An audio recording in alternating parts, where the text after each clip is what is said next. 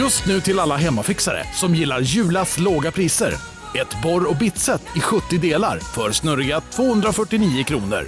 Inget kan stoppa dig nu. Nej. Dåliga vibrationer är att gå utan byxor till jobbet. Bra vibrationer är när du inser att mobilen är i bröstfickan. Få bra vibrationer med Vimla. Mobiloperatören med Sveriges nöjdaste kunder enligt SKI. Av någon anledning så gör vi faktiskt det. Till Italien, Bergerus for en dag för att leta gubbar till vårt VM-lag. Många trodde proffsen allt för gamla var. Döm om deras häpnad när Bergerus sa. De hänger med, de hänger med. Av någon anledning så gör de faktiskt det. I förberedelserna till det här avsnittet ringde jag Erik och sa att fan, jag har alltid känt att jag vuxit upp under fel tid. Det var ju här man skulle ha varit ung. Han undrar vad jag menade och det är ju bara att kolla på hur Sverige såg ut under slutet av 50-talet. Det låg en framtidstro över landet som vi aldrig får se igen. Allt var möjligt. Ett nytt samhälle byggdes, arbetslösheten var noll och alla skulle med. Coola bilar rullade på gatorna, Elvis förändrade musiken och Sverige var med. FNs generalsekreterare var svensk, Astrid Lindgren hade blivit ett namn och en man i basker på Gotland gjorde filmer ingen hade sett maken till tidigare. Och för att verkligen kröna allt det där, lilla pluttlandet Sverige skulle få arrangera VM i fotboll. Låter inte det som en miljö man vill vara ung i? Ja, vi ska ju inte förneka att vi har dragit oss lite för att skruva tillbaks fotbollskalendern alldeles för långt i den här poddserien. Det har känts som att när man kommer tillbaks till 1970 och 1960-tal, då har det liksom hunnit gå för lång tid för att ämnet fortfarande ska kännas, inte aktuellt, men relevant. Men det är klart att det finns undantag från den hållningen. Och ska vi nu prova oss på att söka oss ännu lite längre tillbaka i tiden så går det ju inte att börja någon annanstans än med just det här avsnittet. För herrejösses, hela den här podden går under samlingsnamnet When We Were Kings. Och det går ju att precisera väldigt exakt när vi faktiskt var kungar. När vi var kungar över hela jävla världen. Och det var ju prick fem minuter över tre söndagen den 29 juni 1958. Och i Solna hade regnet från natten dragit förbi och skyarna var klara och Nisse Lidholm hade gjort 1-0 för Sverige mot Brasilien och Sverige var världsmästare. Sverige var kungar. Och det går verkligen att argumentera för att idrottslandet Sverige pikar här. Det går att argumentera för annat också. Det går att påpeka att damlandslaget till exempel ledde sin VM-final över en hel pausvila medan herrlandslaget bara mäktade med några få minuter. Men det går även att vidga den diskussionen och det är väl där du är inne lite och nafsar. Eftersom att det går någonstans att hävda att hela nationen Sverige också har sin absoluta höjdpunkt precis just är. Och euro, det går såklart att gå tillbaka på stormaktstiden på 1600-talet och resonera kring dess förtjänster och skavanker. Men det här var ju en kröning och en kulmen på en aningen modernare och fredligare tid. Sen finns det absolut också något politiskt väldigt minerat i att överidealisera det svenska 1950-talet.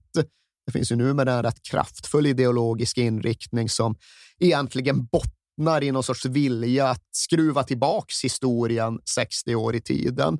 Men det går ju ändå att förstå varför den tanken är så lockande. För 1958 då är Sverige i någon typ av framkant och därtill har inte Sverige stannat av för det, utan Sverige fortsätter ju att avancera, att bryta mark, att röra sig framåt. Och en stor del av förklaringen till den här positioneringen är ju faktumet att resten av världen fortfarande höll på att resa sig ur ruinerna av det andra världskriget. Men det var Sverige som hjälpte världen att göra det. Vi tog sannerligen betalt för det också, men det var liksom vår driftsdugliga exportindustri som gav ny livskraft till omvärlden, men också en helt ny nivå av välstånd till oss själva. För sen slutet av andra världskriget hade det inte ens hunnit gå 15 år, men det var ändå så mycket som på ett så tydligt sätt hade blivit bättre för så många. Erlander-regeringen hade hunnit klubba igenom både folkpension och barnbidrag och allmän sjukförsäkring. Och här i skarven mellan 1950 och 1960-tal, då har ju de så kallade rekordåren redan hunnit börja. Industrin gick på extrema högvarv och BNP växte med 5 procent om året. Och Innovations-Sverige hade därtill fått ny svung. Tetra Pak hade kommit igång och Ikea öppnade sitt första varuhus i Sverige just 1958. Och som du var inne på, arbetslösheten existerade knappt. Den låg väl kring 1,0 procent eller något i den stilen. Och ändå så fanns det utrymme för att förkorta den generella arbetstiden, att skära ner veckan från 48 till 45 timmar. Och visst, urbaniseringen hade börjat komma igång. Folk lämnade fattiglivet på landsbygden, men miljonprogrammet var ju fortfarande någonting som framstod som lockande, som inbjudande, som standardhöjande snarare än problematiskt. Den tanken skulle växa fram långt senare. Och personbilarna hade fått fäste. T-centralen i Stockholm var helt nyöppnad. De första kvinnliga poliserna trädde i tjänst. Poliovaccinationerna hade bitit och spritransoneringen hade släppt. På många sätt var det här en bra och lycklig tid i Sverige. Det tror jag inte är någon förvanskning. Och min bild är ju att den var så bra och så lycklig just eftersom att det fanns den här utbredda övertygelsen om att saker var på väg åt rätt håll. De förändringar som kom de var nästan uteslutande positiva. De gjorde livet enklare för väldigt många människor. Och så länge man bara har den omvärldsbilden att saker och ting är på väg att bli bättre, ja, då mår man också rätt bra, både som individ och som nation. Och medan resten av världen fortfarande var sysselsatt med annat i väldigt hög utsträckning, fortfarande räknade alla möjliga sorters kostnader efter kriget, så blev Sverige en allt viktigare internationell spelare som gjorde avtryck på alla möjliga sätt. Du sa väl det att Dag Hammarskjöld var FNs generalsekreterare ja. och Sverige var med i FNs säkerhetsråd. Och vad var det mer du Ja, den där konstiga gubben i baske på Gotland. Ja. Ja. Ingmar Bergman hade just gjort sjunde inseglet. Och Kom inte Sverige till världen så kom världen till Sverige. Tommy Steele var på Angläs i Stockholm och spelade. Och det är klart att folk går igång när Tommy Steele kommer. Ja, ja. Och inte nog med allt detta, utan därtill fanns ju idrotten där Sverige också skördade oproportionerligt stora framgångar. Det var väl en sak att Sixten Jernberg vann femmilen och stafettlaget tog guld i Lahtis våren 1958. Skidor vinner ju Sverige i lite då och då nu som då. Men 1957 blev vi därtill världsmästare i hockey i Moskva av alla platser. Okej, okay, hockey, det vinner vi väl också i lite nu och då. Men vi var även regerande världsmästare i handboll. Ingemar Johansson var på väg att bli världens bästa tungviktsboxare. Direkt efter att VM i fotboll avslutades så gick ju Sven Davidsson och Uffe Schmidt och vann dubben i Wimbledon. Och det räckte ju liksom inte med ett stort arrangemang den här sommaren 1958. Inte nog med fotbolls-VM. Skulle arrangeras friidrotts-EM också på Stadion i Stockholm. Och där gick Rickard Dahl och tog guld i höjdhopp. Så ja, jag tycker ju att det med tiden har visat sig finnas något både förrädiskt och försåtligt i att idealisera det svenska 1950-talet för mycket. Det finns en skev dyrkan av den där tiden som absolut tenderar att bli bakåtsträvande. Men jag kan ju såklart också förstå vart den kommer ifrån. Jag kan förstå varför du sitter här som alldeles för gammal 2021 och tänker att äh, det var ändå det svenska 50-talet man skulle Nej, ha levt på. Ja, visst. Det är ju eh, alltid en fara i, historiskt att kolla med anakronistiska ögon, att man tittar med dagens ögon på, på äldre tider. Naturligtvis, men visst fasen var det lite romantisk tid. Det, alltså, det finns ju en extrem romantik på ja. alla sätt runt detta och liksom lantbrevbäraren kom cyklande och mjölkbudet ja. hade varit på plats och liksom barnen i Bullerbyn hade blivit lite större och skulle ut och upptäcka världen. Och i USA fanns Elvis Presley och Jack Kerouac och liksom vidgade horisonterna inför det 60-tal som skulle komma. Absolut. Jag var inte ens i närheten av att vara född på den här tiden mm. och ändå kan ju till och med jag känna skimret och liksom nostalgin och det soliga från en tid som flytt, men som trots allt aldrig kommer att komma tillbaka.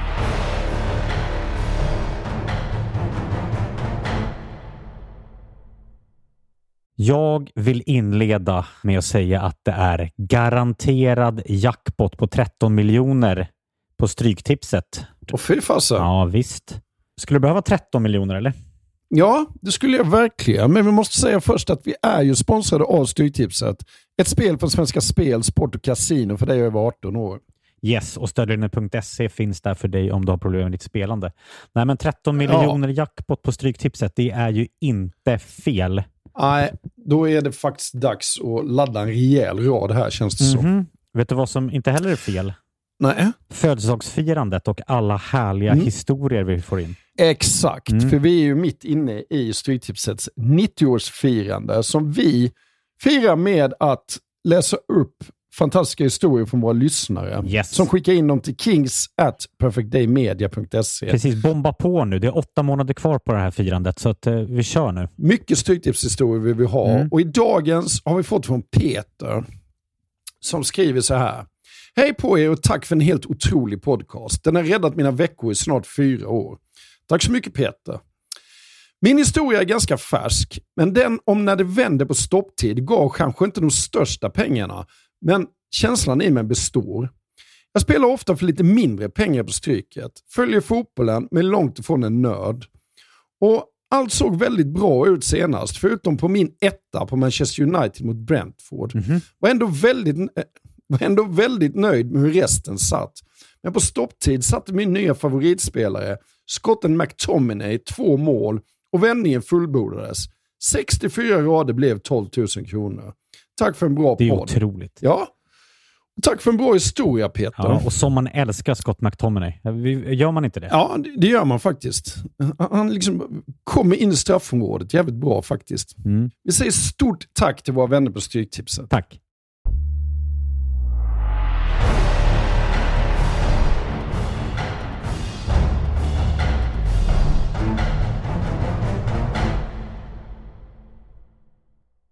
I slutet på 40-talet och i början på 50-talet så hände det någonting med svensk fotboll som blev den stora frågan här. Ja, för det är inte bara så att landslagets resultat försämras på 1950-talet för att Hong Jing-Soo eller Peppi Strå inte lyckas så bra som tränare, utan hela spelplanen har bytts ut från OS-guldet 48 jämfört med 6, 7, 8 år framåt. För det som händer efter OS 1948, det är ju att världen ser hur det svenska landslaget och dess stjärnspelare ja, hävdar sig förträffligt väl i en internationell konkurrens och världen blir intresserad. Den stora världen, proffsvärlden, vänder sig mot Sverige. Och några månader efter OS så blir då Gunnar Nordahl det första svenska proffset någonsin. Jag var nära att säga det, svenska först, det första svenska utlandsproffset någonsin i och med att han flyttade till Milan. Men det hade ju varit inkorrekt. Han blev det första svenska fotbollsproffset någonsin. För några proffs, några yrkesspelare, det fanns inte i Sverige. Det var ju inte tillåtet att finnas i Sverige. För här var fotbollen ideell. Här utövades fotbollen som en fritidssyssla av amatörer med andra jobb och inkomstkällor. Och det var ju liksom inte bara så det var, utan det var ju så det var skrivet i sten att det skulle förbli. Det var förbjudet enligt statuter att tjäna pengar på fotboll. Mm. Och det innebar ju till en början ja, men, en världskrock för de OS-guldmedaljörer som började få attraktiva erbjudanden från utlandet, företrädesvis Italien. Gunnar Nordahl, ja, han var ju en väldigt uppskattad målspruta i IFK Norrköping, men ja, det var ju en bisyssla. Först och främst så var han ju brandman. Ja. Och en brandman med ganska låg inkomst och därmed vissa privatekonomiska bryderier. För vid den här tiden så, jag vet, Gunnar Nordahl hade väl bytt bostad eller något i den stilen. Eh, och i samband med det så hade han köpt på sig lite nya möbler och tycks ha tagit dem på någon typ av avbetalning. Och Det innebar att han, han satt fast i någon sorts skuldfälla. 300 svenska kronor skulle till möbelhandlaren ganska snart. Och vart skulle Gunnar Nordahl få dem ifrån? Nej. Det var inte så att han fick någon målbonus som betalade för bäddsoffan. Och det innebar ju då i sin tur att när AC Milan plötsligt hör av sig och vill värva honom, då är det en helt ny horisont som öppnar sig. För i och med att den svenska fotbollen var ideell och att det var amatörer som spelade, det fanns ju inga kontrakt. Det var inte så att klubben ägde honom och skulle ha någon Nej, övergångssumma. utan, och det är det som är så fantastiskt, att alla övergångar, då är det förhandla med, spelarna. Ja. Och alla pengar, ja, det går till spelarna. Klubbarna har ingenting att säga till om. Ja, det här är liksom tiden före tiden som Bosmandomen gjorde upp Ja. med. Det här är ju en tid då ja, det inte existerar den typen av kontrakt mellan spelare och klubb. Så AC Milan köper ju egentligen inte Gunnar Nordahl av IFK Norrköping. AC Milan köper Gunnar Nordahl av Gunnar Nordahl. Och där det var ett konkret problem att betala 300 sekiner för möbler så får plötsligt Gunnar Nordahl 75 000 svenska rätt ner i brandmansfickan. Och det är ju inte direkt svårt att se att Nordahl och flera efter honom väljer att nappa på den typen av erbjudande. Men det innebar samtidigt också att de här spelarna brände sina broar tillbaka till den svenska fotbollen. De blev brännmärkta, de blev bannlysta för de hade brutit mot den svenska fotbollens regelverk. De hade gått från att vara dessa uppskattade amatörer till att bli bespottade yrkesmän, bespottade proffs, legosoldater, legoknä- legionärer. Och det innebar ju då såklart att det svenska landslagsbeståndet av uttagningsbara spelare bara tunnades ut och tunnades ut och tunnades ut för varje år. För strömmen började gå efter OS 48 och sen följde VM 50, nytt brons. Ja, då flyttade nio stycken i den startelvan. Alla utom två, ja. Ja, det och är sen- proffs. Ja. OS-brons 52, då drog ytterligare en sväng.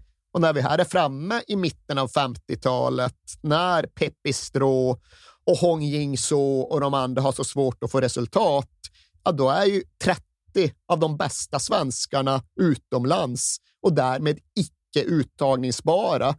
Och det säger sig självt. Det är ju som Ja, men det är väl lite som det var för svenska hockeylandslaget länge, ja. när 30 av de bästa var i NHL och Sovjet inte hade börjat skicka dit spelare. Det är som hockeylandslaget på 80-talet. Ja, ja, liksom. Nej, men det fanns ju väldigt bra skäl till varför de inte kvalade in till VM 1954. Verkligen. Alla spelare var ju borta. Och Det här inser ju alla. Det inser VM-general Bergeus, det inser fotbollsförbundets styrelse, det inser även George Rayner. Så han ställer mer eller mindre det som krav när han får det där telegrammet till Coventry att ja, nu kan jag väl bli tränare, men då får ni ta och lösa den här proffsfrågan. Och Putt Kock var väl den stora motståndaren till proffsen. Nu, nu hade han försvunnit. Nu hade han försvunnit. Ja. Och det finns ju bevarat hur liksom turerna gick på förbundsstämmorna från den här tiden. Men även ifall man på allvar försöker ta till sig de debatterna och även om man försöker vara intellektuellt hederlig och liksom se till den andra sidans bästa argument så framstår ju de som ganska luddiga och ganska svaga. Verkligen. Ja. Dels ja, men det är logistiskt krångligt. Tänk alla liksom flyg och bussar som måste sättas in. Ja, men det ska väl ändå gå att lösa. Ja. Sen om det skulle bli något krux med pengarna från Tipstjänst ja. fattar jag inte heller. Ja, men det här med att eh, Ja, men de är proffs nu. De kommer inte vilja ge allt för Sverige. Ja, det var ju liksom återkommande. ja. Men mycket just att ja, men dels det ekonomiska, det skulle bli något med pengarna från tipsen, det skulle bli dyrt att ta hem alla. Men då gick ju Expressen som klassisk framfotad tabloid ut och sa att ja, men vadå, kostar det? Vi pröjsar flygen. Det gör vi för fotbollsnationens ja. bästa. Och då raderades liksom det argumentet. Sen var det så att ja, vi ska gå i takt med vår omgivning. Hur ska det se ut om fotbollsproffsen får representera Sverige? Ska det bli likadant för backhopparna då? Eller? ja. ja, kanske det. Liksom. Ja. Uh, ja, men hur ska det se ut om vi tar hem proffsen? Norge tar inte hem proffsen. Hur ska vi gå i otakt med Norge? Ja, det kanske vi kan göra. Kanske vi blir ovänner med dem ju. det är kanon. Men det är klart, alltså, i grund och botten så var det väldigt svårt att hitta sakargument. Alltså argumentationen borde ha bedrivits på ett tydligare sätt, ja, men utifrån en rent ideologisk linje. Ja. ja, vi tycker inte proffsen ska hem eftersom att vi vill att fotboll ska förbli den här ideella folk folkrörelsen som den alltid har varit. Alltså det är nästan så att ska man försöka förstå den här debatten idrotten med dagens glasögon, då får man nästan puffa in idrotten på den position som vård, skola och omsorg har idag. Ja. ja. men ska det verkligen gå att profitera ja, på den här samhällsbyggande ja. verksamheten? Det var väl om något det argumentet som var begripligt eller som jag kan känna någon typ av förståelse för. Ja. Men just det här... Ner i Undrar om man sitter och säger så om 50 år om vård, skola och omsorg. Ja, hur kunde man ja, ens föreställa sig att en annan väg var möjlig? Men ah, om inte annat var det väl så att de som drev debatten för amatörsidan inte var tillräckligt skickliga.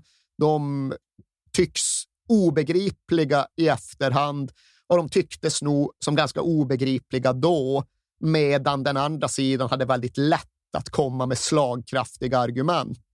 Deras trumfkort är såklart att ja, nu ska vi spela VM på hemmaplan och antingen har vi med Nisse Lidholm, Kurre Hamrin och Nacka Skoglund eller så har vi inte det. Ja. Och jag vet ju själv att i en idrottsdebatt, då tenderar den typen av diskussionslinje att komma rätt långt. Ja. Och så visar det sig bli också i det här fallet. Det började luckras upp under 56. Det blev verklighet under 1957 och väl in i 1958 så var det ju snarast en fråga om att realisera den nya riktningen snarare än någonting annat. Ja.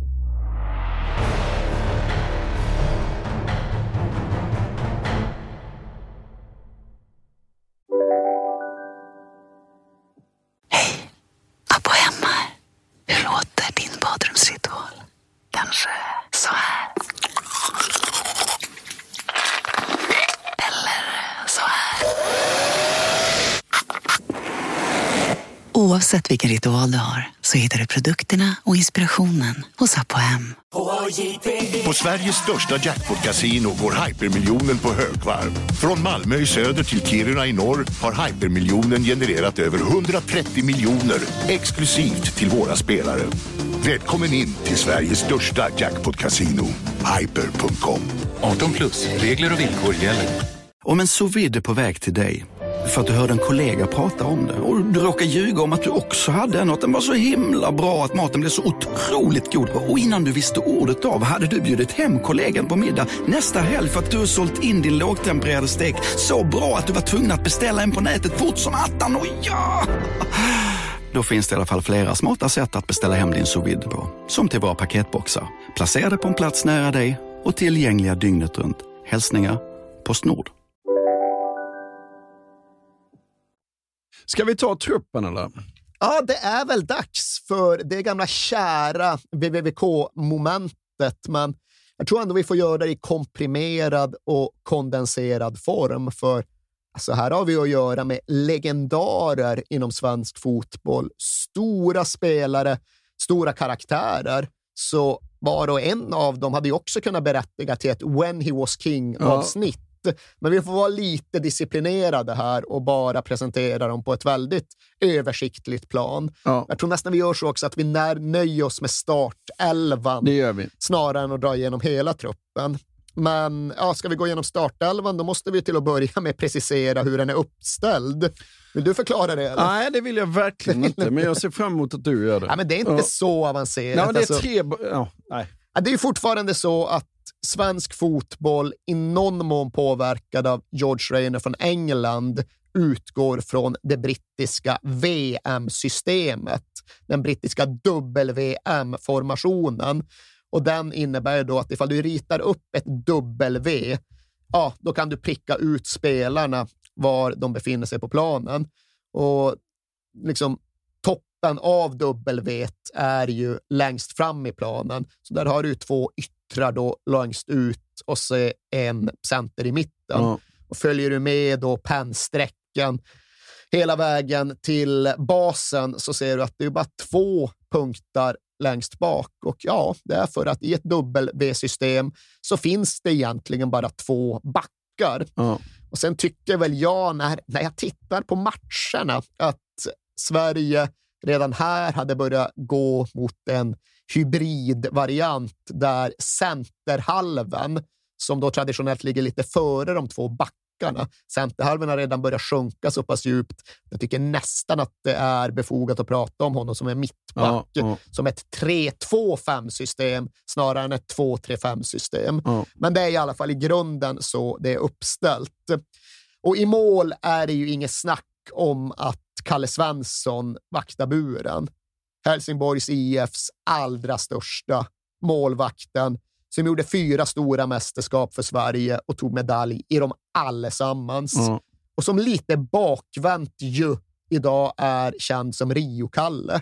Och det är ju jävligt egendomligt på så sätt att visst, Kalle Svensson var jättebra i VM 1950 när Sverige tog brons, men Kalle Svensson spelade under den turneringen en match i Rio. Ja. Och då satt Oj Oj Göransson och ojade sig, för då släppte Sverige och Kalle in sju bollar. Alltså var det den? Ja, ja, ja. Alla andra matcher går i andra delar av landet. Spelar i Sao Paulo, tror mig sig Curitiba. Ja, så det, det är ett elakt med ett öknamn då nästan. Ja, nästintill för de som verkligen går till botten Ja. med det. Men så var det i alla fall med den saken. Såklart helt ohotad som etta med sin erfarenhet och sin status, men ja, lite känningar i ryggen då, Ja. som i någon mån påverkar honom lite grann under mästerskapet. Och sen då de två backarna som det ändå pratas om. Och till höger spelar såklart Orvar Bergmark. Länge vår allra meste A-landslagsman. Och det är ju inte slut på meritlistan i och med detta. För bortanför sin spelarkarriär så blev han ju dessutom förbundskaptenen som ledde Sverige nästa gång blågult spelade VM. Och vid sidan av allt detta gjorde han ju därtill 24 landskamper i bandy på det Ja. sätt som folk gjorde på 1950-talet. Och som fotbollsförsvarare så hade han gjort en sväng i Italien med Roma, men var nu tillbaka i Örebro SK. Och ÖSK, ja, de spelade inte ens i allsvenskan i anslutning till VM 58. De låg i den svenska andra divisionen, Ja. division 2, och därifrån utgick Orvar Bergmark. Orvar Bergmark som såklart förknippas väldigt starkt med Örebro idag, men som för mig är resolut västerbottning. Han levde ju ändå sina första 16 år i Byske. Ja. Och det förstår jag inte hur man bara kan bortse Nej, det ifrån. kan man ju inte. Bredvid Orvar Bergmark längst bak då Sven Axbom, en resolut östgöte som ja, han var one club man, Ja. tillhörde IFK Norrköping under hela sin seniorkarriär. Mellan dessa så har vi då en spelare som, ja, som glider lite mellan kategoriseringar på mer än ett sätt. Till att börja med är ju frågan, hur ska vi egentligen se på Bengt Julle Gustafsson? Var han sörmlänning eller var han östgöte? Det vill jag att du ska svara på. Jag skötte. Alltså, han heter ju tydligen Julle eftersom att han levde sina första år i, det jag förstått uttalas, Julitta i Sörmland Ja. utanför Katrineholm. Men ja, sen flyttade han ju till Östergötland. Men kanske inte är den distinktionen som är den viktiga här. Nej. Det är kanske snarare viktigare att förhålla sig till huruvida han var traditionell centerhalv och låg då lite framför backarna eller om han ska ses som en mittback. Ja. Jag är väl lite inne på det senare. Och Bengt-Olle Gustafsson var ju också den här spelaren som satt fast nere i Italien men hela vägen fram till ja, turneringen. han kom nästan aldrig hem. va? Nej, för Atalanta höll på att åka ur. Och till att börja med spelade de någon typ av negativt playoff. Och sen tyckte man att när det väl var avklarat så var det väl bara att åka iväg. Men då blev det någon märklig matchfixningshärva och ingen visste vart den skulle ta vägen. Skulle det bli omspel? Skulle det bli fler kvar? Skulle det, bli... ah, det var oerhört osäkert, så han gled ju in till VM-lägret bara några få dagar Ja. innan premiären på ett sånt där NHL-manér. Ja. Okej, helt plötsligt dimper det ner någon och i det här fallet fick Åke Bajdoff Johansson från Norrköping flytta sig när Julle väl blev tillgänglig. Väldigt mycket Östergötland Ja, eh, nej, på den här tiden. Eh, IFK var- Norrköping hade ju haft 40-talet, Ja. i någon mån även 50-talet. Så absolut, mycket Östergötland, men även en hel del Göteborg. För på högerhalvan kom med tiden Reino Börjesson från Partille att spela. Högerhalv, ja, det är då defensiva mittfältare Ja. med dagens språkbruk. Och Reino Börjesson inledde inte turneringen, utan här finns det en förändring med tiden, men han kom att avsluta den. Och Reino Börjesson var väl då i alla fall mest känd för att han var en fotbollsgrabb. Han var, men säg Simon Tern. Ja. Han var sonen till den väldigt välkända pappan. För pappa Erik Börjesson, han var också landslagsman. Han gjorde fler A-landskamper än vad Ja. Reino gjorde, men Reino är ändå rättmätigt ihågkommen. Och även han, precis som Orvar Bergmark, från den svenska andra divisionen, Ja. spelade för Norrby, Boråsklubben, i division 2 när VM började. Bredvid honom, Sigge Parling, Ja. gästricke. Ja. Varför är det roligt? Nej, jag bara, det var kul. det var det. Eh, kanske lättast preciserad som den ursprungliga järnkaminen. Ja. Han spelade för Djurgården och han var en järnkamin. Och sen blev det liksom att hela laget och i slutändan hela klubben följde med honom. Knivsta var väl där då också? Ja, det var han, säger jag, men Ja. hela det laget. Grymt jävla lag. Mm. Och de var ju tuffa, men det var inte så att laget från början hette Järnkaminerna och Sigge fick smeknamnet därifrån. Utan Sigge var Järnkaminen och Djurgården fick smeknamnet av honom. Ja. Legender från 50-talet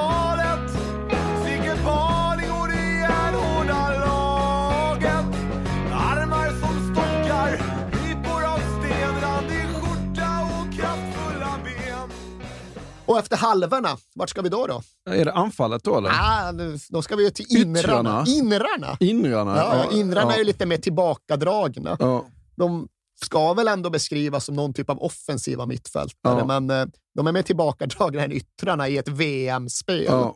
Men nu börjar det ju bli riktigt stora och tunga namn. För även om Bror Mellberg då får starta turneringen som inner så blir han faktiskt petad efter gruppspelet och finns inte med i startelvan så som vi kommer ihåg den. För i den startelvan, då är ju inrarna ja, men, milaneserna. Ja. Gunnar Gren och Nisse Lidholm.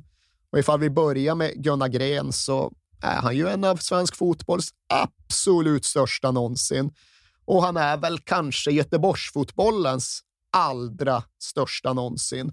Fotbollsprofessorn från Majorna står ju staty utanför Ullevi. Och han var ju till exempel också den allra första vinnaren av Guldbollen, Ja. som vi pliktskyldigt måste referera till som Aftonbladets Ja, Guldboll. det. Men trots allt detta och trots hans fantastiskt fina år nere i Milan och hans OS-guld 48 så fanns det absolut en diskussion kring huruvida han skulle med i den här turneringen eller inte. För Aro, Gunnar Gren, han hade ju hunnit bli gammal. Han Ja. var 37 vid VM. Men Gunnar Gren spelade ju inte sin fotboll genom att springa snabbt. Gunnar Gren tänkte fotboll. Ja. Gunnar Gren skapade fotboll. Gunnar Gren var ju en kreatör. Och det fanns en röra kring hans uttagning. Hövdingen Persson i UK, han ska ha tyckt att Gunnar Gren var för gammal. Men hela den svenska fotbollsnationen stod ju bakom Gren, tyckte att det var självklart att han ska med. Trots att då han hade flyttat tillbaks från Italien sedan ganska många år och även han då tillhörde den svenska andra Ja, i divisionen. ÖIS. Han spelade för ÖIS nere ja. i tvåan. Ja. Så är det vi uppe i tre startspelare från den svenska andra divisionen. Men bredvid Gunnar Gren då, ja, men hans gamla kompis som hade blivit kvar i Italien när Gunnar Gren drog hem. Nisse Lidholm stannade i Milano, stannade i Italien och kom ju med tiden att förknippas mer med den italienska fotbollen än med den svenska. Men här var han fortfarande vår. Och det som var lite ovanligt med Nisse Lidholm, det var ju att han kom från men en annan sorts social bakgrund än i stort sett hela det övriga laget. För ja, Sverige var ett annat land på den här tiden och alla hade ju vuxit upp med knegarföräldrar. Det var jordbrukare och det var folk som jobbade i kvarnen och det var liksom någon målare och sådär. Men Nisse Lidholms pappa var ju chef på sågverket i Valdemarsvik. Ja. Det här var en familj som tillhörde de högre samhällsskikten. Och äh, alltså alla, alla de här hade ju de hade jobb. Så länge de spelade i Sverige så hade de ju jobb, så alla hade själva varit inne i yrkessvängen. Men där det fanns brandmän och där Nacka Skoglund blev springchas, Ja. usel springchas tydligen, fick sparken överallt ifrån. Ja, men då började Nisse Lidholm jobba med bokföring och affärsjuridik. Ja. Han var en typ av aristokrat och kommer ju att få smeknamnet Il Barone även Han nere i gifte ju sig med en baronessa, så, han också, så det passar väl utmärkt. Ja. Och någonting i det där går väl att spegla i hans fotboll ifall man anstränger sig och överintellektualiserar. För precis som Gunnar Gren så spelade han sin fotboll med huvudet. Men ibland kan det vara lite svårt att liksom skilja dem från varandra. Man tittar på Gren och Li och det är rätt uppenbart vad Gunnar Nordahl gör. Han Ja. vräker in mål. Men vad är skillnaden på Gren och Lidholm? Och där är väl skillnaden någonstans att Gren lite oftare slog sista passningen och Nisse Lidholm i högre utsträckning var liksom den lite mer tillbakadragne speluppläggaren som dikterade ett matchtempo, som höll i bollen när bollen behövde hållas i och som på ett ännu tydligare sätt var spindeln i nätet, Ja. som var lagets hjärna. Och legenden som vi ändå tillåter oss att ta även i det här avsnittet. Kanske göra ett Nisse Lidholm-avsnitt någon gång och då ska den få få större speltid. Men Ja. den är för talande för att inte dra in redan här. Det är ju den som påstås kulminera efter hans två första säsonger i Milan. För enligt den här myten, som jag inte vet om den stämmer, om det ens finns ett korn av sanning i eller inte, men så som den återberättas så ju Nisse Lidholm prick noll felpass under Ja. sina två första säsonger Ja. i Milan. Inte en boll ska han ha slagit bort, men en bit in på sin tredje säsong så ska han ha slagit en förlupen passning. Och när det skedde, så ska hela San Siro ha ställt sig upp och applåderat i fem minuter för drygt två år av fotboll utan felpassningar. Och det ska då vara svensk fotbolls Börje Salming-ögonblick. Ja. Som Toronto hyllade Salming när han återvände för Canada Cup. Så ska San Siro ha rest sig för Nisse Lidholms passningsfot. Ja. Och det är klart att vi vill tro att det är sant. Det vill vi verkligen. Men ja, det finns en eh, rolig anekdot också, för att han var ju lite sån här mentor åt Carlo Ancelotti. Då hade Ancelotti ställt frågan till Lidholm, vem var egentligen bäst i världen tidigare? Så här, ja, men det är ju enkelt. Det var jag, Pelé och Di Stefano. så han har ju gott självförtroende också. Men där har vi både halvorna och inrarna. Och nu Ja. är det då kedjan som återstår. Yttrarna och centerforwarden. Och man börjar ju från höger och där hittar vi högeryttern Kurre Hamrin. Ja. Vilken spelare! Eh, AIK-ikonen som visserligen var född på Södermalm, bodde Ja. på Fjällgatan och Östgötagatan sina första år, men som sen hamnade i Huvudsta och sprang på Råsunda. Sen han gick i kortbyxor. Eh, sen var han ju så bra i AIK att Italien kallade. Flyttade först till Juventus, men det lyckades han ju faktiskt inte. Nej. Han hade ett sådär-år i Juventus och blev utlånad till Padova inför VM 58. Och det kan ju mer eller mindre låta som en dödsstöt för ett Italienproffs. Men Kurre Hamrin, han drog lilla Padova med sig hela vägen upp till toppen. Med Kurre Hamrin som ja, men målspruta så gick ju Padova och blev trea i Serie A säsongen 57-58. Padova aldrig varit så bra, så Nej. stora. Nej. De hänvisar ju än idag tillbaka till Kurre Hamrin-åren, precis som Fiorentina senare kom att göra. Det är ju framför allt i Fiorentina som han verkligen nådde enorma höjder. Eh, han vann cupvinnarcupen med dem, gjorde han sig med Milan också. När han vann cupvinnarcupen med Milan så gjorde han båda målen i finalen mot HSV 1968 Ja. men en internationell storspelare. Och han skulle ju också komma att bli den som på ett sätt fick det största erkännandet av alla svenska spelare efter VM 58. För när de stängde året med Ballon d'Or-omröstningen, då var ju Kurre Hamrin uppe och snudda vid prispodiet. Han blev fyra i Ballon d'Or 1958 och högre än så har vi aldrig haft en svensk spelare. Nej. Dock har vi haft tre andra som också har kommit fyra. Och nu ska Håkan Andreasson berätta för mig vilka de är. Thomas Brolin. Korrekt. Zlatan Ibrahimovic. När då? Vad fan, sluta nu. Okej, Ja. okej. Ja, ja. Jag har två och tre. Eller, De förväntade mig att du skulle klara. Jaha, det gjorde du ja. Eh, kan, du ge mig en, eh, kan du ge mig ett år på den tredje? Inte ännu. Eh, Torbjörn Nilsson. Nej. Ralf Edström. Nej. Alf Edström tror jag var så 7-8 något år. Torbjörn Nilsson tror jag aldrig fick den typen av erkännande Nej. alls. Jaha, nu- ska jag, alltså, nej, nu får du ge mig ett årtal, får jag tänka alldeles för länge. Du kan, jag kan säga som så att det är före 1980. Nu kan jag dela liksom Ballon d'Or-historien i två halvor och du ska in på den första. Före 1980, då är det 70-tal.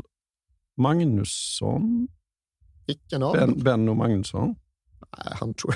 Nej. jag vet inte fan. Nej, men jag jag tror aldrig tror han har haft en listplacering i Ballon d'Or, tyvärr. Det kan inte vara sån här Björn Nordqvist? där, va? Han tog ju Orva Bergmarks notering som vår mesta A-landslagsman, men jag har ingen minne av att han kom särskilt högt i Ballon d'Or. Nej. Eh, Nej, men du, du får nog dra denna. Inget mer. Det är på 60-talet. På 60-talet? Ja! Ove Kindvall. Ja, snyggt! Ja, vad fint. Ja. Han blev fyra 1969, Ja. eh, vilket ju är lite märkligt för han avgör ju Europacupfinalen först året därefter. Ja. Men jag vet inte om det var någon märk... Ja, det kan inte vara någon eftersläpning på så sätt. Så, nej, han vann nog den placeringen oberoende av Europacupfinalen. Delade fjärdeplatsen med Johan Cruyff det året. Ja. Det är ju okej. Nästan guldstjärna till mig där va? Ja, du, Ja, ja, jag tycker ändå du får bättre och bättre. Men Ja. tror jag måste liksom snarare bli lite för förutsägbar i det här. Att jag, alltid ger, dig- ja, men jag ger dig alltid en svensk koppling för att du ska ha någon chans. Men jag kanske ska hoppa den. Ja. Ja, strunt samma. Högerytter Kurre Hamrin, innanför honom som center, Agne Simonsson. Lagets yngsta spelare, bara 22 år gammal, så han hade inte hunnit ut i något proffsliv. Också division 2. Ja, också division 2 med ÖIS. Ja. Jobbar som kontorist. Ja. Här är väl en 22-årig kontorist från division 2 Ja. som ska in och spela center för vårt VM-lag. Men det gick ju såklart alldeles förträffligt, för Agne Simonsson var ju en fenomenal anfallare. Väldigt komplett, som liksom behärskade alla delar. Både väldigt rörlig, bra i bollmottagandet, liksom någon proto-targetspelare, men därtill också väldigt effektiv som avslutare med både fötter och huvud. Och det skulle ju historien sen komma att visa. In i turneringen var det väl många som tvivlade just vad en 22-åring från ÖIS, men eh, med tiden skulle han ju ja, bland annat bli den enda herrspelare vi någonsin haft i Real Madrid och han skulle med tiden bli femma i en Ballon d'Or-omröstning. Tror faktiskt han, fort, han blev femma i Ballon d'Or när han fortfarande spelar för ÖIS. Ja. Det är lite Det är inte dåligt. ÖIS har haft en spelare så högt upp. Men sen, eh, det otroliga är ju att han vinner bragdguldet 1959. Jag tror vi var inne på det när vi berörde att han hade spelat för Real Sociedad. Just att han vinner bragdguldet för att han var bra i en träningsmatch mot England. Ja, samma år som Ingo vinner VM-kronan i boxning. Ja, ja, jag uppskattar som fotbollsman Ja. uppskattar ju det. Man är förbannad, det är alltid någon skidskytt som vinner. Så Ja, ja. jag tycker gott att Agne Simonsson kunde ha det där. Men eh, tio elftedelar av laget genomgånget och sen har vi väl den, ja, den största profilen av dem alla kvar. Och givetvis Nacka Skoglund. Det är väl svensk fotbolls mest mytologiserade spelare någonsin. Det är det ju. Ja. Och ni förstår ju själva att vi kan inte ge en sammanfattning av Nackas liv på den här lilla ytan. Det får vi väl anledning att återkomma till Ja. någon gång. Men vi kan väl bara försöka placera honom på sin livskurva i anslutning till detta mästerskap. Och det är väl rättvist att säga att den hade börjat dala lite grann, men det hade inte blivit något snabbt skenande förfall. För Nacka, han slog igenom i anslutning till VM 1950, då han i och för sig han göra det bra i någon match, men sen gjorde han ju gans, George Raynor rätt förbannad för, vad sa du att han gjorde i, i, i Como 58? Larva sig. Han larvade sig i truppen. Han larvade sig med ännu större intensitet under VM 58. Det finns skildringar av hans eskapader under de veckorna som, som får en att rodna så här 70 år senare. Men eh, trots detta så hann ju Inter titta på honom och se hans begåvning. Det var väl under VM 1950 som han fick det där överanvända smeknamnet den vajande majskolven. Ja. För att han liksom vaggade fram med sitt Bra blonda namn när man såg honom på bilder faktiskt. Ja, det får man väl säga. Och han gick ju då i alla fall till Inter, vann snabbt två Serie A-titlar och blev stjärnan i Inter. Men det finns gamla pressklipp där det redan 1951 skrivs i italienska tidningar om hur han, citat, odlat en alltför intim relation med Bacchus. Ja. Back, vad är han? Vinguden Ja, eller det, sånt. just det, ja. Och sen alluderade det ju till den här baren han sen fick för sig att köpa. Hette i, den Nacka? Ja, Bar Nacka, Ja. men på Via Paolo Scarpi. Jaha. tror det ligger någonstans där uppe vid järnvägsstationen. Inte liksom på någon så här paradgata, Nej. utan snarare så här sjaskiga Ja. gatorna vid järnvägs... vid tågstationen. Men ja, den hade väl inte gått något vidare rent ekonomiskt och den var kanske inte så jättebra för Nacka Skoglunds vanemönster Nej. heller. Och därtill höll han ju på att hamna i rejäla ekonomiska bryderier när hans rådgivare nere i Italien försnillade alla pengar. Ja. Men det hade inte riktigt hunnit klarna ännu. Det var ju det som sen ledde till att Nacka fick ge sig ut på folkparksturné Ja. efter VM 58. Det var inte bara för att han tyckte det verkade vara så jävla lattjo. Det var Nej. inte ens huvudsaken. Ja, Det var för att italienarna hade dragit med alla hans pengar. Ja. Och Nacka, likt en annan Leonard Cohen, fick ge sig ut på turné för att skrapa ihop Bra slantar. jämförelse. Kanske inte vad gäller munkdelen av livet, men blåst av rådgivare-turné har han ju.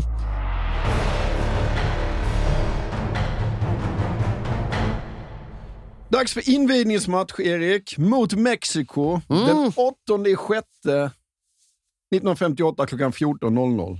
Och det är klart att hela Sverige lever ju upp. Och nu ska vi visa världen vad vi har. Och när vi ska göra detta, vad skickar vi då ut till den stora invigningsceremonin? Jodå, 206 entusiaster från Svenska ungdomsringen som dansar folkdans i mollskinnsbyxor. Men Flottans blåsorkester var också där. Och därtill så ska vi ju skicka upp det nya stridsplanet J35 Draken Ja. för att köra en flyover med utsläppt rök. Så visst, världen måste ha imponerats. Kungen var där också. Kung Gustav den sjätte Adolf infann sig givetvis för att titta på denna premiär där ju intrycket, förhandskänslan var att det var bara att gå ut och vinna. Och mexikanerna ska ju därtill ha blivit så tagna av spelevinken Nacka att de också väcker in sin kollektiva keps på förhand. Men när man ser tillbaka på det som finns bevarat så har de ju ändå lite grann i början av matchen, mexikanerna. De kan trilla lite boll, men eh, sen så är ju faktiskt till och med detta Sverige fysiskt överlägset. Vi har ett ålderstiget lag, hög medelålder, över 30. 30,1. Ja, Det äldsta vi någonsin har haft. Ja. Ja. Men kan ändå liksom springa sönder Mexiko, spela mer rejält, Ja. spela liksom ett ganska rakt spel för att vara 1950-talet. Och, okej, Kalle Svensson får göra någon dubbelräddning i början, men sen är det dags för det svenska spelet och för George Rainers spelmönster hämtade ur The Berry School. För ja, det är väldigt, väldigt mycket kretsar kring yttrarna. Och det första målet i denna VM-turnering, det görs efter först är Kurre Hamrin som utmanar, men inte kommer förbi sin back. Stöts tillbaka. Nisse Lidholm har gnisslat sig en bit upp i planen, fyller på, slår en lång, svepande, öppnande crosspassning till andra kanten och där är Nacka som utmanar sin back. Virvlar förbi, in med inlägget och där kommer Agnes Simonsson och stöter in bollen. Fint mål. Ja. Ja, det är liksom modernt spelat, känns det nästan som. Ja. Men Nacka showade, Sverige vann. Kung Gustav den sjätte Adolf var där. Tre av de fyra Hagasessorna var på plats. Jaha. Vill du köra tio sekunder Hagasessorna? Nej, det vill jag inte. Men de var Nej, men det är där. väl systrarna till kungen, va? Ja, det är det. va? Typ. Ja. ja, det var tre sekunder. Driver han bollen, drar sig på vänsterkanten, vänster in i kanten, spelar till Nacka. Nacka stannar nu, har backen emot sig, får se om han kommer förbi. Nej då. Har för bråttom där, får en tå på bollen för mycket, men kommer få ta den tillbaka i alla fall. Avancerar nu, full fart in mot mål då. Passning till och bakåt där till Simonsson, skjuter i mål! Men ifall det var lite tveksamheter efter Mexiko så var det jubel efter Ungern. Det här var riktigt bra. Det här var den bästa landskampen på flera år. Var det kanske till och med den bästa landskampen sedan VM i Brasilien 1950? Omöjligt är det inte. Och bättre blev det när det tickade in resultat från parallellmatcherna. För Mexiko hade lyckats snatta till sig ett kryss mot Wales. Ja. Och det innebar att Sverige redan här var kvartsfinal klart Ja. som allra första lag. Och Bengt Bedrup står där med sin tv-mikrofon och frågar Nacka Skoglund efter fullbordat faktum. Ah, vilka vill du egentligen ha i kvarten, Lennart? Barkarby, Ja. svarar Nacka Skoglund. Och det tyckte ju folk var rasande Ja, kvickt det var och slagfärdigt. ja.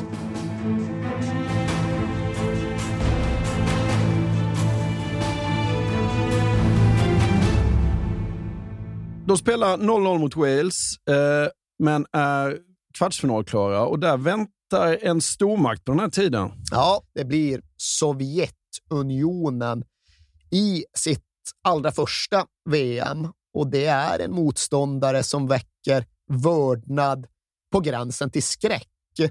För även detta skriver Orvar Bergmark om i sin bok, att han var helt säker på förlust. Han var så övertygad om att det skulle bli stryk så att han packade ihop sina grejer redan kvällen före match där ute i Lillsved. För han var helt säker på att det blir hemresa direkt efter den här matchen. Ja. Och det var ju inte en känsla han bara snöt fram ur vänstra bakfickan, utan han visste för att han hade varit med. som sagt, Sovjet är nykomling på den internationella landslagsscenen. Efter sin revolution så hade de mest skött sig själva i något årtionde. Men på andra sidan andra världskriget, där började de känna på internationell fotboll. Och de åkte till OS i Australien 1956 och vann. Ja. Och de mötte Sverige ett par gånger här 55 och 56. Och den ena matchen vann de med 6-0 och den andra matchen vann de med 7-0. Ja. Och det var dessa matcher Orvar Bergmark hade deltagit i och som fick honom att känna sig ja, direkt uppgiven. Det var som att möta dem i hockey. Ja, det var typ Ja. samma ingångsvärde som det var att möta Sovjet i hockey på 80-talet. Men ja, Kurre Hamrin, vi ska, inte, vi ska inte sitta och ta ifrån Kurre Hamrins saker, vare sig målet mot Ungern eller det här målet mot Sovjet, för han var fantastisk. Ja, han var ju nästan bäst i hela, hela laget. Ja, det här och det här var hans match. Ja. Eh, matchen avgörs i slutskedet av att han drar iväg och serverar Agne Simonsson ytterligare ett ganska enkelt mål. Och Agne Simonsson, som ju då vann bragdguldet för sin insats mot England i en träningsmatch året efter. Han håller ju sin egen insats i den här matchen mot Sovjet som bättre. Ja. Och det gör han för att han håller laginsatsen mycket högre. Han tycker, som många andra, att det här var den bästa landskampen som han någonsin deltog i. Och många av de som var med pratade ju under lång tid om det här som den bästa landskamp ett svenskt landslag någonsin har gjort. Ja. Och jag vet inte hur man ska värdera det idag. Det har hunnit flyta en del vatten under broarna och vi har hunnit nå framgångar i flera VM-turneringar. Men så länge de här grabbarna var aktiva, liksom genom 60-talet in på 70-talet, då hette det fortfarande att den här Sovjetmatchen, det var den bästa Ja. som spelades. Och ja, har vi haft så många extremt tongivande laginsatser sedan dess. Det är inte så att Rumänien 94 var någon utskåpning av Nej. ett bra motstånd. 2018 när vi slår Mexiko i sista gruppspelsmatchen, det var ju grymt, men Ja. jag kan inte riktigt se vilken match i modern tid som skulle övertrumfa detta. Så ska vi ranka de allra bästa svenska landslagsinsatserna någonsin, då får vi väl tro de här grabbarna på deras ord och Ja. säga att det här var det bästa de var med om. Det var det bästa vi gjorde under 50-talet, 60-talet, 70-talet. Och sen får vi i så fall ställa den epoken mot nyare tider. Men så bra ska det ha varit. Så nöjda var de. Och Agne Simonsson pratade om den bästa match han någonsin gjorde och ändå tyckte han att Kurre Hamrin var mycket bättre. Ja. Visst, det var mitt livs match, men det var Kurre Hamrins match mer än någon annans. Ja. De vinner heroiskt och det är dags för semifinal och där väntar Västtyskland. De spelade hårt, de spelade snabbt, de spelade tufft och de kunde köra i 90 minuter. Så det såg svårt ut på förhand och det såg ännu mycket svårare ut eh, halvvägs in i första halvlek då just Hans Schäfer hade vräkt in ett jäkla vänsterskott från hörnet av straffområdet som inte ens Kalle Svensson kunde göra någonting på. Och tyskarna hade i det läget möjlighet att springa iväg med matchen. Och än idag så menar de inblandade att de absolut skulle haft en straff fram till 2-0 då Julle Gustafsson gjorde ner Helmut Rahn. Men domaren friade i det läget och matchen kantrade gradvis mer och mer i blågul riktning med mer eller mindre stor assistans av den ungerska domaren. För Nacka Skoglund hade hunnit slå bort ett jätteläge, missa mer eller mindre öppet mål, innan han därefter kvitterade i slutet av första halvlek. Och var det hans på Nisse Lidholm under upprinnelsen till målet? Det var definitivt hans. Det ser onekligen ut Ja, som att det var hans ja. på Nisse Lidholm under uppspelet till målet. Men godkänt blir det. Och då avgörs det. Och det är ju två genialiteter som kröner semifinalen. Två av vår fotbolls absolut mest klassiska mål. För först vräker nicker Gunnar Gren in ett distansskott i krysset med en knapp kvart kvar. Alltså det är så mycket i krysset så bara stod, man tror knappt att det är mål. Den tar ju det här staget Ja. som fanns uppe i kryssen på den tiden. Ja. Och, ja, med ett annat domarteam, ett mindre uppmärksamt domarteam, då hade väl bara spelet rullat vidare. Ja. Och vi hade suttit och analyserat det som vi analyserat Jeff Hursts eh, skott ribba ner i VM-finalen 66. Vi hade tittat tillbaka på 58-målet och krävt VAR postumt, men den var ju inne. Ja. Den var ganska tydligt inne. Det var inte så att målet försvann, utan det var ett riktigt drömmål. Orvar Bergmark stod stående som en sten, stod i flera sekunder, alldeles gråtfärdig av glädje när Gunnar Gren från Majorna hade gjort det här målet i sin hemstad.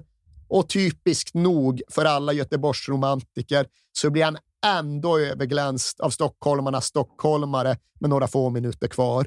Och ni vet ju, Ja. även ni som inte var med och även ni som inte har sett det har i alla fall hört det. Och Hamrin står och väntar nu på att tyskarna ska anfalla honom. Går med bollen. De kommer så småningom först nu. Och då accelererar Hamrin. Håller bollen fortfarande och tränger chefen på. Hamrin håller bollen i alla fall. Lekandes blir två man. Vi kan se till att du han studerar i mål! Ja!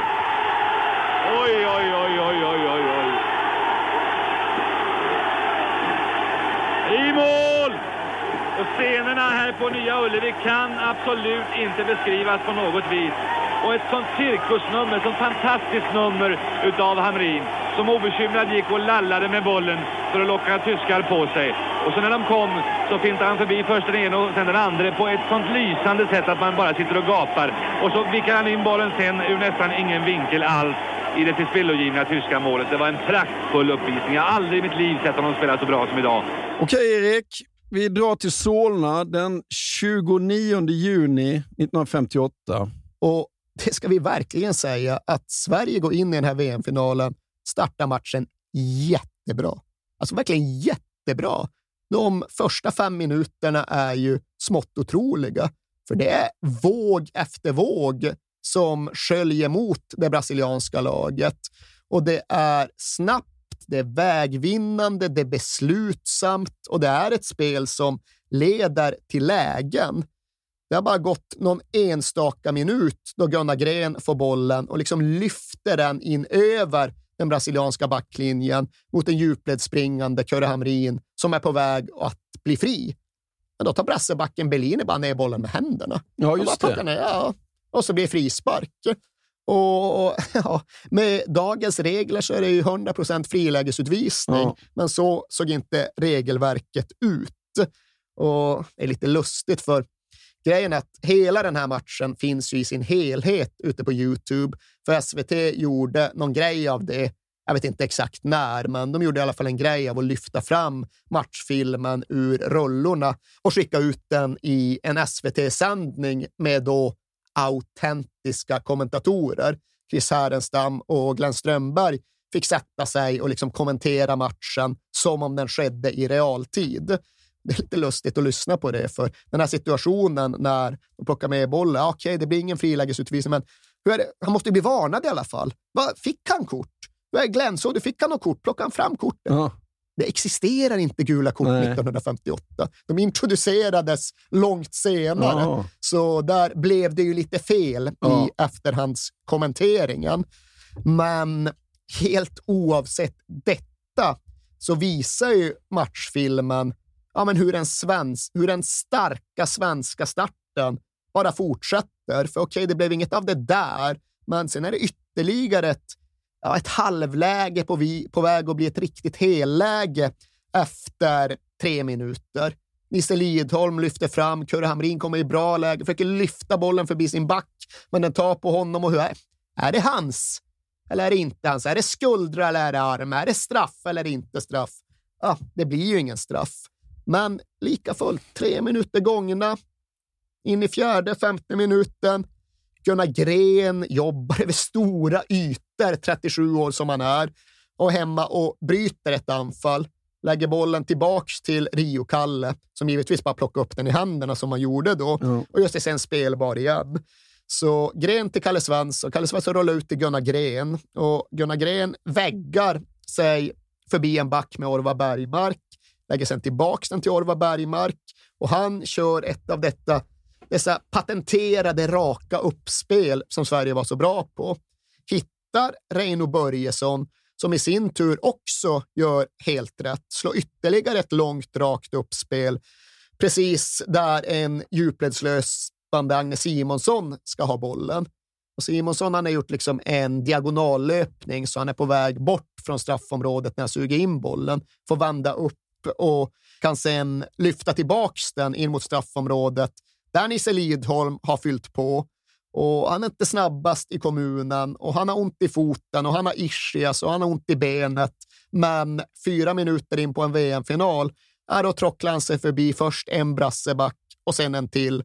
Sen rullar han ju in, sen rullar han in bollen i mål och det har gått fyra minuter och 13 sekunder av VM-finalen och Sverige har spelat ihop till en ledning. Sverige har förtjänat att leda VM-finalen. Kalle rullar ut bollen till Gren som är nere på högerbacksplats ungefär och hjälper till. Han håller bollen, ser sig omkring, spelar den till, vem blir det till? Han via ett, ett eh, brasseben tillbaka till Bergmark. Bergmark till Börjesson och Börjesson rakt fram. Fin sen passning till Simonsson. Simonsson får bollen på högerkanten, är hårt trängd där. Spelar bollen in till Lidholm. Lidholm är i fint läge, får den inte ifrån sig. Nu är han i skjutläge. Nej, han lättar bollen. Vassar inte. Där kommer skottet i mål!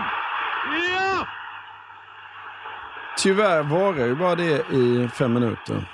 Ja, och knappt ens det. För eh, direkt på avspark, alltså bokstavligt talat direkt på avspark, så petar brassarna igång bollen och sen så tittar de upp och slår en lång crossboll på Garincha som har dragit iväg och han bara blåser förbi Sven Axbom Ja. och har ett öppet läge och skjuter i gaveln.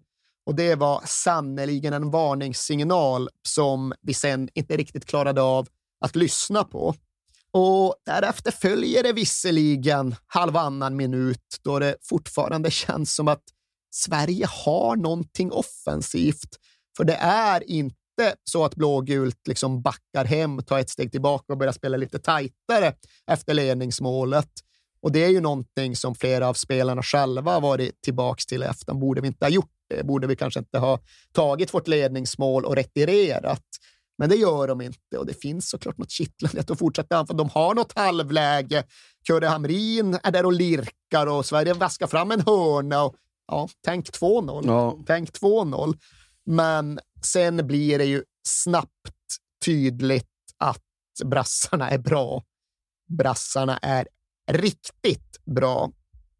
För, ja, precis som du var inne på, så dröjer det inte ens fem minuter innan de biter sig fast offensivt efter en hörna och kan till slut få bollen tillbaka ut till Garincha i höger inneläge. Och ja, här går han återigen en mot en mot den svenska försvararen Sven Axbom. Och återigen bara blåser han förbi honom med ett snabbt ryck. Men det här är som sagt en situation som följer på en hörna, så Sverige har mycket folk hemma. Sverige har mycket folk i eget straffområde och även om Garincha gör bort Sven Axbom så får han felträff när han ska spela in bollen. Men ändå kryper den förbi först en spelare och sen en till svensk spelare och sen Avava öppet mål och bara stöter in bollen i nät. Men det målet kändes möjligt att undvika och ja, nu som då, 63 år senare, känns det fortfarande surt att se det hända och behöva just ta in och konstatera att ja, det, vi fick vara världsmästare i fyra minuter och 16 sekunder. Ja. Nu vet jag att vi fick vara världsmästare i fem minuter, men jag klockade Ja, ja, ja. sekvensen och det var fyra minuter och 16 sekunder som vi fick lov att vara världsmästare. Och sen, var, sen var den historiska framgångseran slut. Och det är väl också så att ifall ni nu inte pallar och tugga 90 minuter VM-final 58 så rekommenderar jag er att se de första 20, eller säg första 30 då, för det är här matchen sätter sig och det är här matchen avgörs. Och allra mest imponerande är kanske den 15 minuters period som följer på Sveriges ledningsmål och på Sveriges fantastiska första fem. För därefter tar verkligen Brasilien tag i det. och de glänser. Och ett par minuter efter att Vava har kvitterat, och då tar Pelé emot en boll i höger inneläge, jonglerar den två gånger och vräker sen iväg en halvvolley precis när bollen rör vid gräset. Och den susar ju som en missil upp mot Kalle Svenssons högra kryss, men slår i stolpen. Ja. Och sen går det ytterligare två minuter då han spelar fram Vava till ett fritt skottläge från straffpunkten, går mitt på. Sen går det någon minut till och sen har de spelat loss Pelé som har ett halvt friläge, återigen från höger inneposition, men drar den utanför.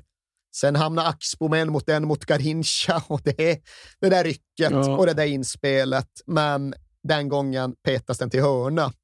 Sverige har väldigt lite mellan matchminut 5 och matchminut 30. Men okej, det står fortfarande 1-1 och efter sådär 25 minuter, ja, då lyrar Nacka Skoglund iväg någon typ av mellanting mellan skott och inlägg. Och den lyran passerar faktiskt målvakten och är på väg in i nät tills en brasse får bort den på mållinjen. Och det är ju det vi har. Det är det närmaste vi kommer att bli Kings igen. Ja. För sen går det bara några minuter och sen har faktiskt Sverige flyttat fram en hel del folk, men då får brassarna möjlighet att ställa om. Och när de får ytor och gräs med sina spelare, ja, då går det snabbt. Och de väljer ju att öppna ytan för Garincha, sätta honom en mot en mot Sven Axbom. Samma ryck igen, ner mot kortlinjen, får en halv meter på ett två meters ryck och så skjuter han ju in ett lågt inlägg som Vava ytterligare en gång bara stöter in i nät. Och det är ju precis som du säger att ska man isolera en nyckelduell i finalen är det klart att det är stackars Axbom mot Garincha och Sigge Parling försöker från vänsterhalvan med tiden att hjälpa till, men det är för lite och det är för sent och de får aldrig kontroll på det spelmomentet. Men sen ska ju också sägas att Brasilien är överlägsna. Ja. Brasilien forsar fram och man tänker att i andra halvlek så kanske Sverige har repat mod under pausvilan. De kanske blir trötta. Ja, nej, det är ju Sveriges Ja. gamla lag som blir tröttare och tröttare Ja. och det ser man med blotta ögat. Och kanske inte så att Brasilien anfaller med riktigt samma våldsamma kraft när de väl har tagit ledningen, men det är i hög utsträckning spel mot ett mål och det är bara en tidsfråga innan det ska ge utdelning med tanke på ja, men vilka spelare Brasilien har. Och när det tredje målet väl kommer, tio minuter in i andra halvlek, så är det ju omslagsmålet för hela den här finalen, för hela den här turneringen, på många sätt för hela Pelés karriär som världens då bästa fotbollsspelare. Han var ju bara 17 här, men gjorde han någonsin något mer minnesvärt än när han lobbar bollen över Julle Gustafsson och sen bara drar dit volleyn Ja. på andra sidan och på så sätt ja, men stänger VM-finalen. Att han går till Santos, backen som ligger högt uppe nu, slår ett lyra in framför mål. Där är Parling, men där är också Pelé och Pelé lobbar över Julle och skjuter i mål! Ja! Det är klart att det är ett otroligt mål av en otrolig spelare i ett otroligt lag och resten av tiden blir ju mest bara en avspelning. Brasilien förblir det liksom snabbare, mer energiska laget som flyttar boll och som tänker snabbt och som till och med vinner dueller.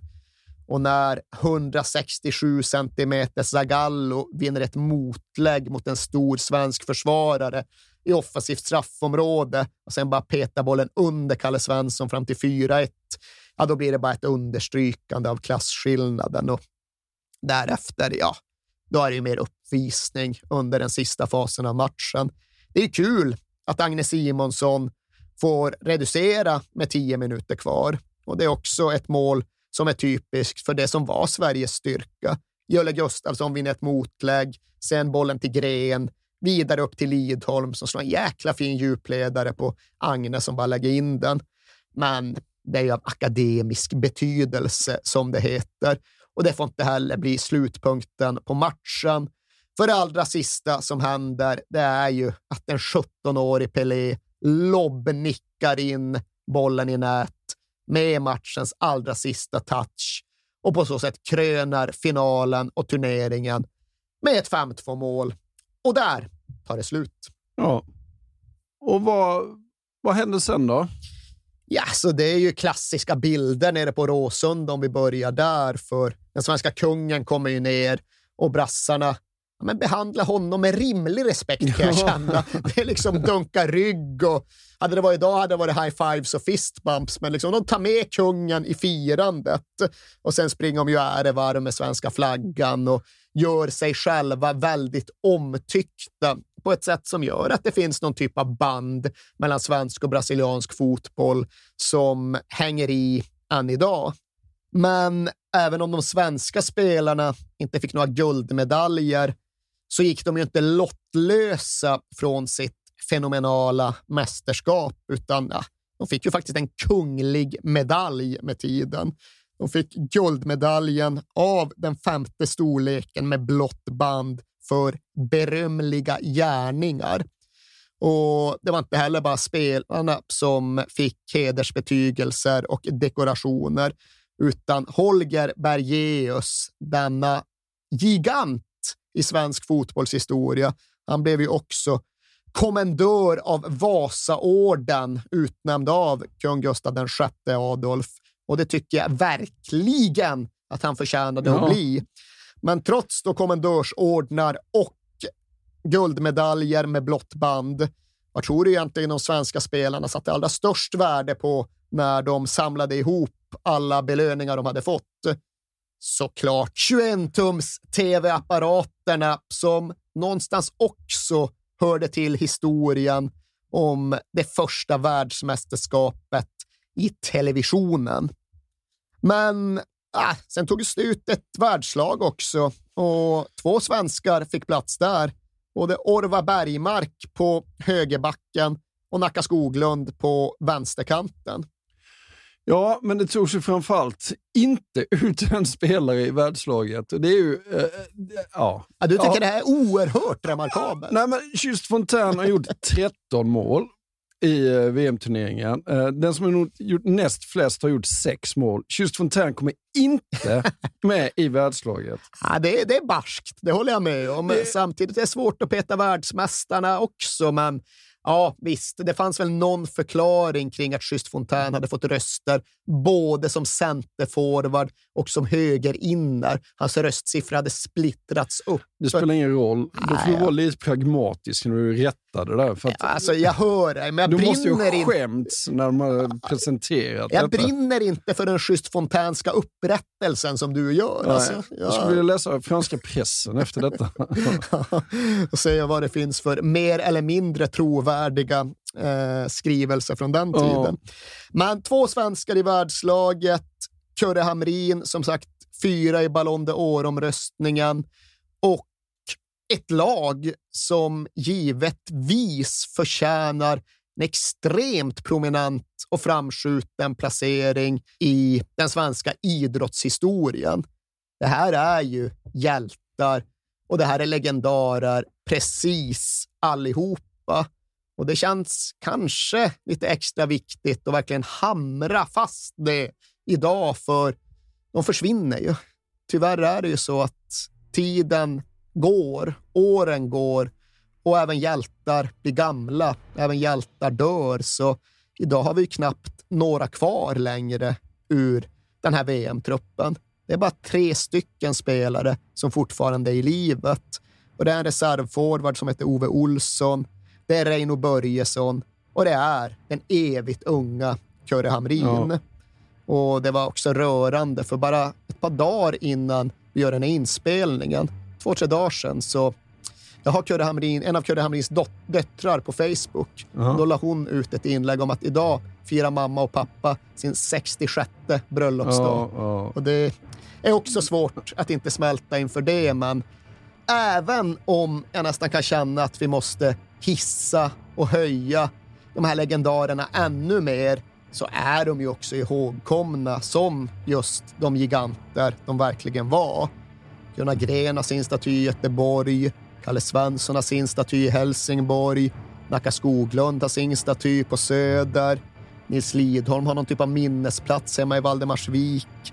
Jag vet att det i alla fall har varit diskussion om att det ska bli någon minnesplats för Orvar Bergmark i Örebro också. Ja. Jag vet inte om det har blivit av. Men jag hoppas att det blir det.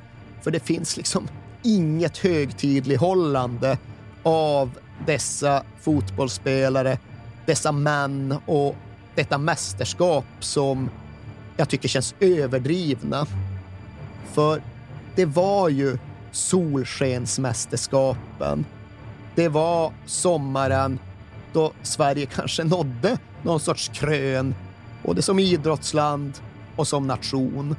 Det var veckorna, matcherna, minuterna when we were kings.